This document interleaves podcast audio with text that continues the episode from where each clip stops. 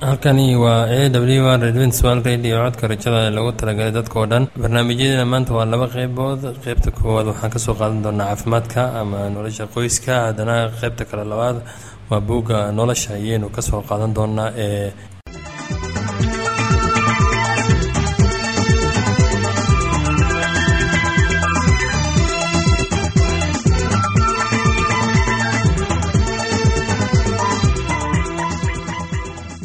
barnaamijyadeena maanta waa laba qaybood. Qaybta koowaad waxaad ku maqli doontaan barnaamijka caafimaadka. Kadib waxaa inoo raaci doonaa cashar inaga imid buugga nolosha. Barnaamijyadeena maanta si wanaagsan u dhegeysan doontaan. Haddii aad qabto wax su'aal ama tala iyo tusaale fadlan inala soo xiriir dib ayaynu kaga sheegi doonaa ciwaankayagu balse intaynan u guudagelin barnaamijyadeena xiisaa leh waxaad marka hore ku soo dhowaataan. Heestan daabacsan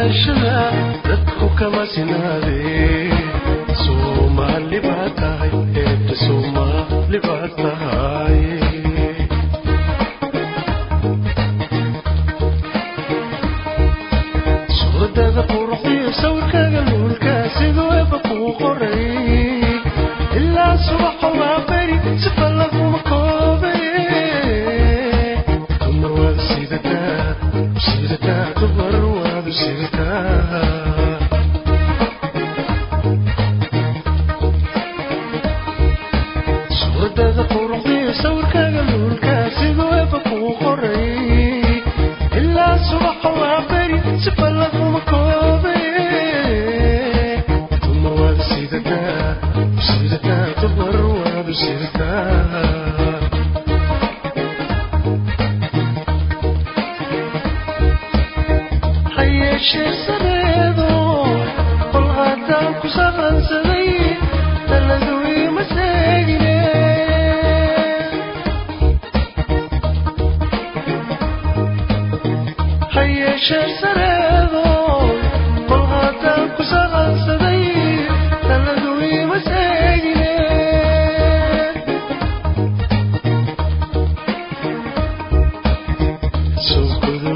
So good.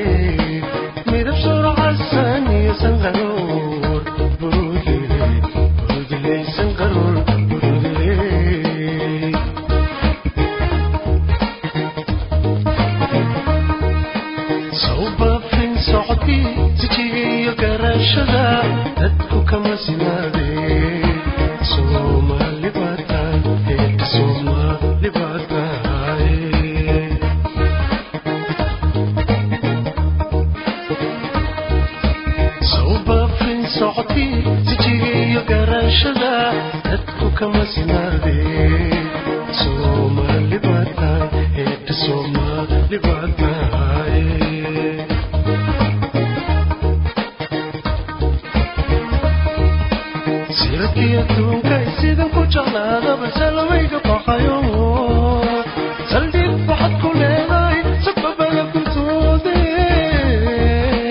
dumar waad sidataa sidataa dumar waad sidataa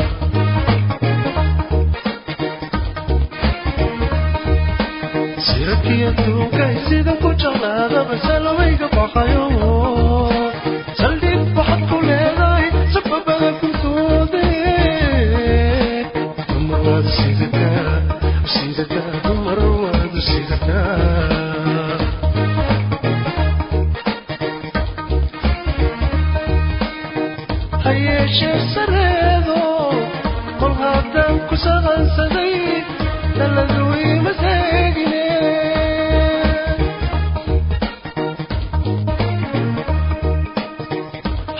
yeeshee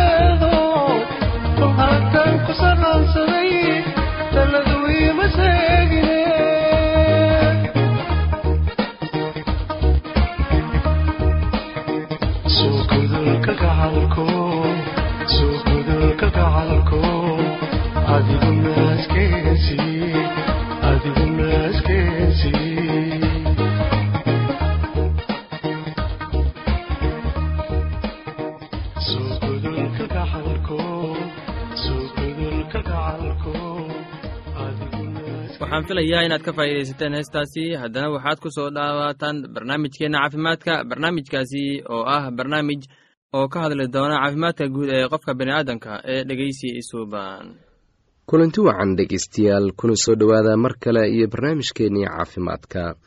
Maantana waxaynu ka hadlaynaa naasnuujinta hooyada. Naasnuujintu waxay ka mid tahay marxaladaha ugu horreeya ee waalidnimada hooyada waa marxaladda ilmuhu ay qaadan karaan naasnuujinta oo loo baahan yahay in ilmuhu adeegsado afkiisa muruqyada caloosha iyo xubnaha kale ee dhammaystira habka cuntada qaadashada. Marka uu ilmuhu dhasho waalidku wuxuu hanuun u qabaa in uu ilmaha dhashay wixii karaankiisa ah u qabto waxayna noqon kartaa dhar gogol ama cunto marka ay tahay in la nafaqeeyo caanaha cuntada ugu habboon ee ilmaha yar waa caanaha naaska hooyada. Haddaba cilmi baaris la sameeyey ayaa lagu xaqiijiyey in caanaha naaska hooyada ay tahay tan ugu habboon ee lagu nafaqayn karo dhallaanka ayna ka difaacayaan jirooyinka inta badan run ahaantii waxaa la ogaaday baaritaan kadib ilmaha naaska la nuujiyey in ay ka jiro yar yihiin marka loo eego ilmaha aan naaska la siin. Sidoo kale jirooyinkoodu aad buu u yaryahay oo weliba jirooyinka ay ka mid yihiin dhega xanuunka infekshanka wata shubanka barabaraha cascas ee jirka ka soo yaaca elerjiga iyo jirooyin kaleba faa'iidooyinka ugu horreeya ee naasnuujinta waa nafaqada. Caanaha hooyadu waxay wataan qiyaastii laga rabay ee duxda aysida leh biyaha iyo aysida aaminada ee u roon dheefshiidka iyo koriimada maskaxda iyo jidhkaba hooyooyin badani waxay door bideen in ay carruurtooda siiyaan caanaha lo-da laakiinse haddaan isweydiinno caanaha naaska hooyada ma loogu beddeli karaa ilmaha caanaha lo-da? Waxaa iyana la ogaaday in caanaha lo-du ay leeyihiin brotiin ka duwan kan caanaha naaska hooyada. Caanaha lo-du waxay u wanaagsan yihiin weylaha yaryar iyo dadka waaweyn laakiinse haddii ilmaha yar la siiyo waxaa ku adkaanaya ilmaha yari dheefshiidka si kastaba ha ahaatee waxaa jira xilliyo aysan habboonayn in ilmaha yari ay naaska nuugaan. Waxaa jira waxyaabo yaryar oo caafimaadka dartiisa ay hooyada la rabo in ay naas nuujiso ilmaheeda. Matalan ahaan fayraska qaar ayaa soo raaca caanaha naaska sida h i v-ga. Fayraska keena aidiska waxaa ka mid ah waa mid ka mid ah. Haweenka oo uu hayo h i v-ga waa in aysan nuujin ilmaha yar naaska. Waxaa kale oo caanaha naaska hooyada laga qaadi karaa cudurrada ay ka midka yihiin maqaarka cudurrada beerka ku dhaca iyo cudurrada infekshanka wata. Jirooyinka caadiga ah ee ay ka mid yihiin qabowga hargebka infekshanka maqaarka ku dhaca ama shubanka lagama qaado caanaha naaska hooyada. Matalan haddii ay hooyadu jiran tahay caanaha naasaheeda waxa ay wataan walxo ka difaaca ilmaha jirooyinka ay hooyada qabto waxtarna u leh ilmaha. Kansarka ku dhaca naasaha uma soo gudbaan caanaha naaska hooyada. Haweenka aan qabin cudurka kansarka naasaha sida caadiga ah waxay ka naas nuujin karaan naaska aan weli kansarka gaarin.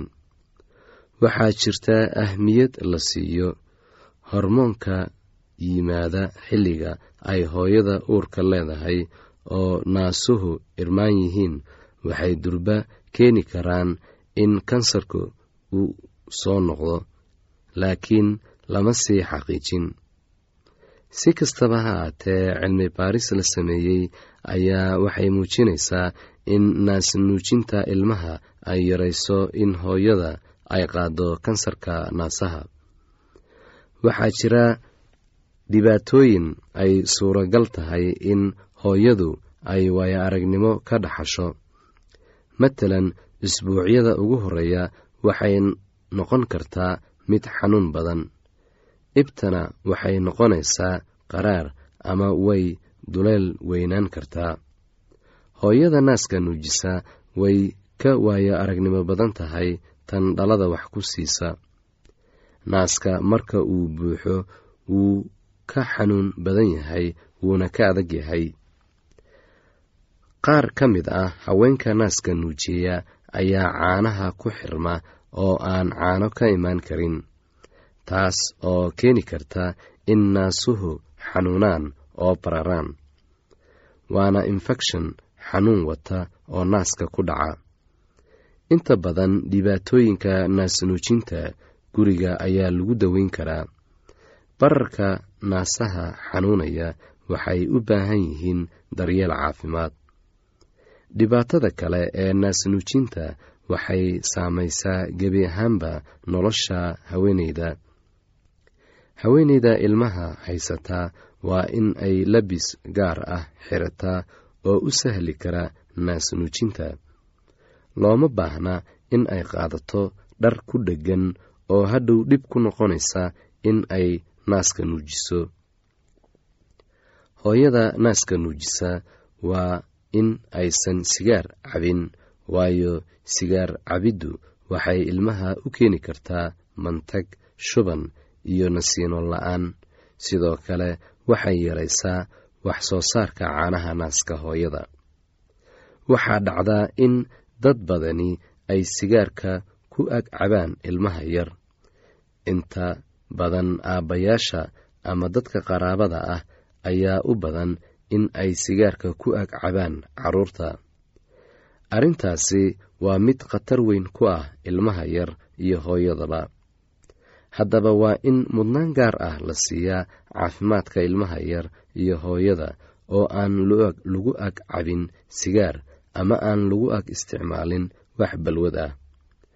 Waxaa dhacdaa in hooyada ay ka xishooto qaraabada qaar marka ay guriga soo booqdaan oo ay sigaar ku cabaan.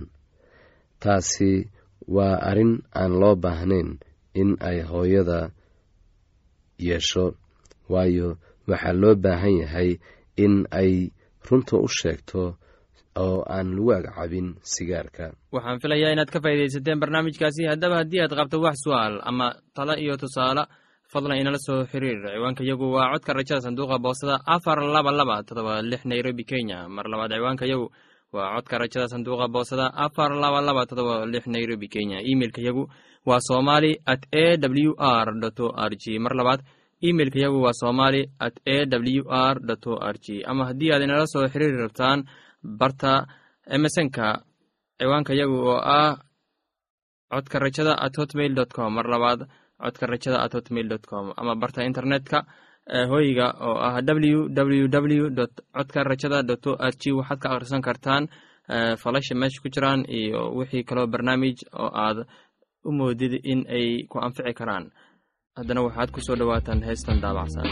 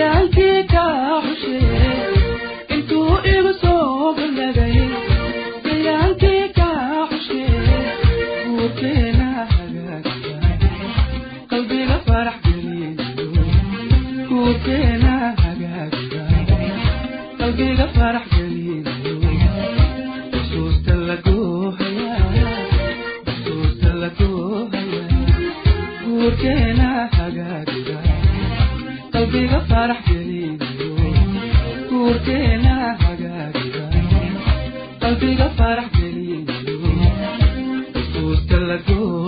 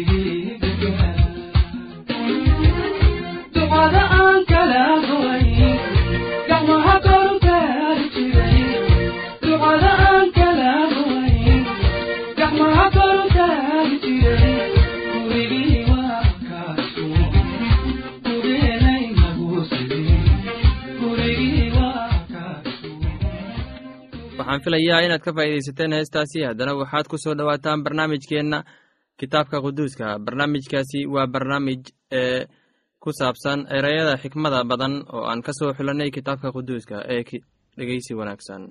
Sheem oo aabbo u ahaa carruurtii ceeber oo dhan oo ahaa yaafeed walaalkiisii weynaa. Isagana carruur buu carruur baa u dhalatay wiilashiisii sheemna waxay ahaayeen ceelaam iyo ashuur iyo arfakasad iyo luud iyo aram. Wiilashii aramna waxay ahaayeen cuus iyo xuul iyo geter iyo maash.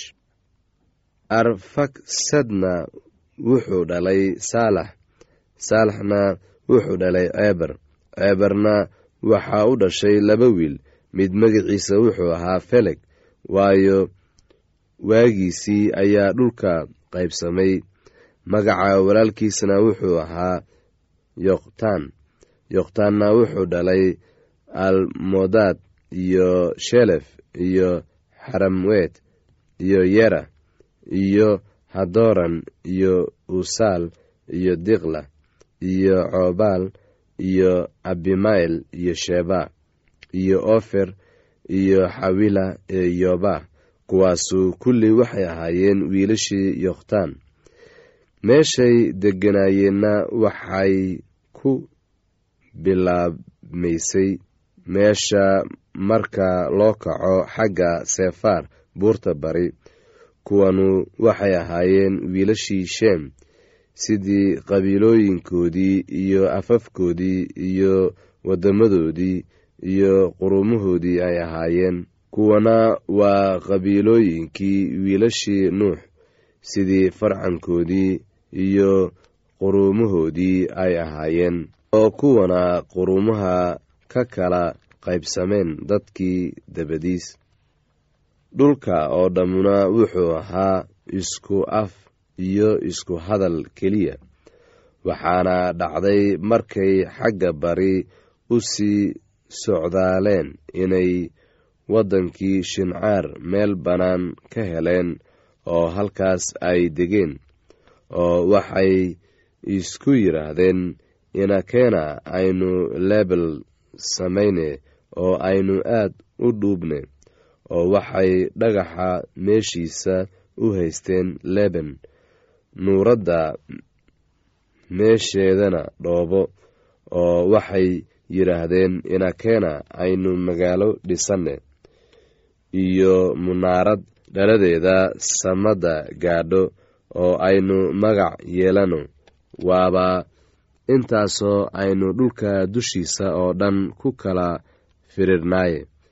Rabbiguna wuxuu u soo degay inuu arko magaaladii iyo munaaraddii ay bini'aadmigu dhisayeen. Oo rabbigu wuxuu yidhi bal eega iyagu waa isku dad keliya oo dhammaan isku af keliya bay leeyihiin oo waxaanuna waa waxa ay bilaabayaan inay sameeyaan oo haatan wax ka hor joogsan doona waxay damcaan inay sameeyaan ma jiraane. Inakeena aynu degne oo halkaas aynu afkooda iskaga qasne yaan midna midka kale hadalkiisa garanine kolkaasaa rabbigu halkaas ka kaxeeyey oo ku kala firdhiyey dhulka dushiisa oo dhan oo dhisidihii magaaladii way joogsadeen. Sidaas daraaddeed magaceedii waxaa loo bixiyey baabel maxaa yeelay halkaasaa rabbigu afkii dhulka oo dhan iskaga qasay oo halkaasuu rabbigu ka kaxeeyey iyagii oo ku kala fardhiyey dhulka dushiisa oo dhan. Kuwanu waa farcankii sheem. Sheem wuxuu jiray boqol sannadood oo laba sannadood oo daadkii ka dambaysay wuxuu dhalay arfaksad. Sheemna markuu arfaksad dhalay kadib wuxuu noolaa shan boqol oo sannadood wiilal iyo gabdhana wuu dhalay. Arfakshadna wuxuu jiray shan boqol iyo soddon sannadood wuxuuna dhalay saalax. Arfaksadna markuu saalax dhalay kadib wuxuu noolaa afar boqol iyo saddex sannadood wiilal iyo gabdhana wuu dhalay.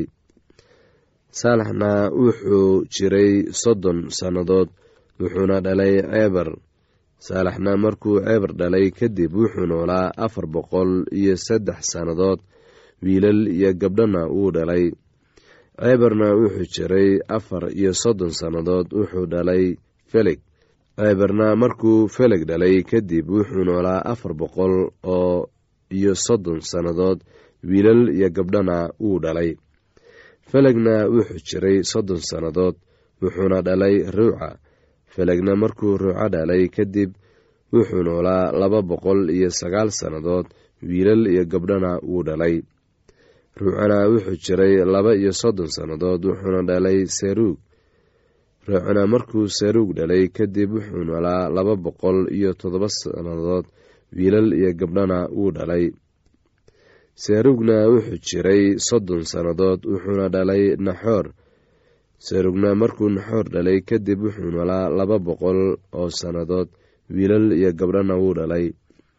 Naxoorna wuxuu jiray sagaal iyo labaatan sannadood wuxuuna dhalay teerax naxoorna markuu teerax dhalay kadib wuxuu noolaa boqol iyo sagaal iyo toban sannadood wiilal iyo gabdhana wuu dhalay.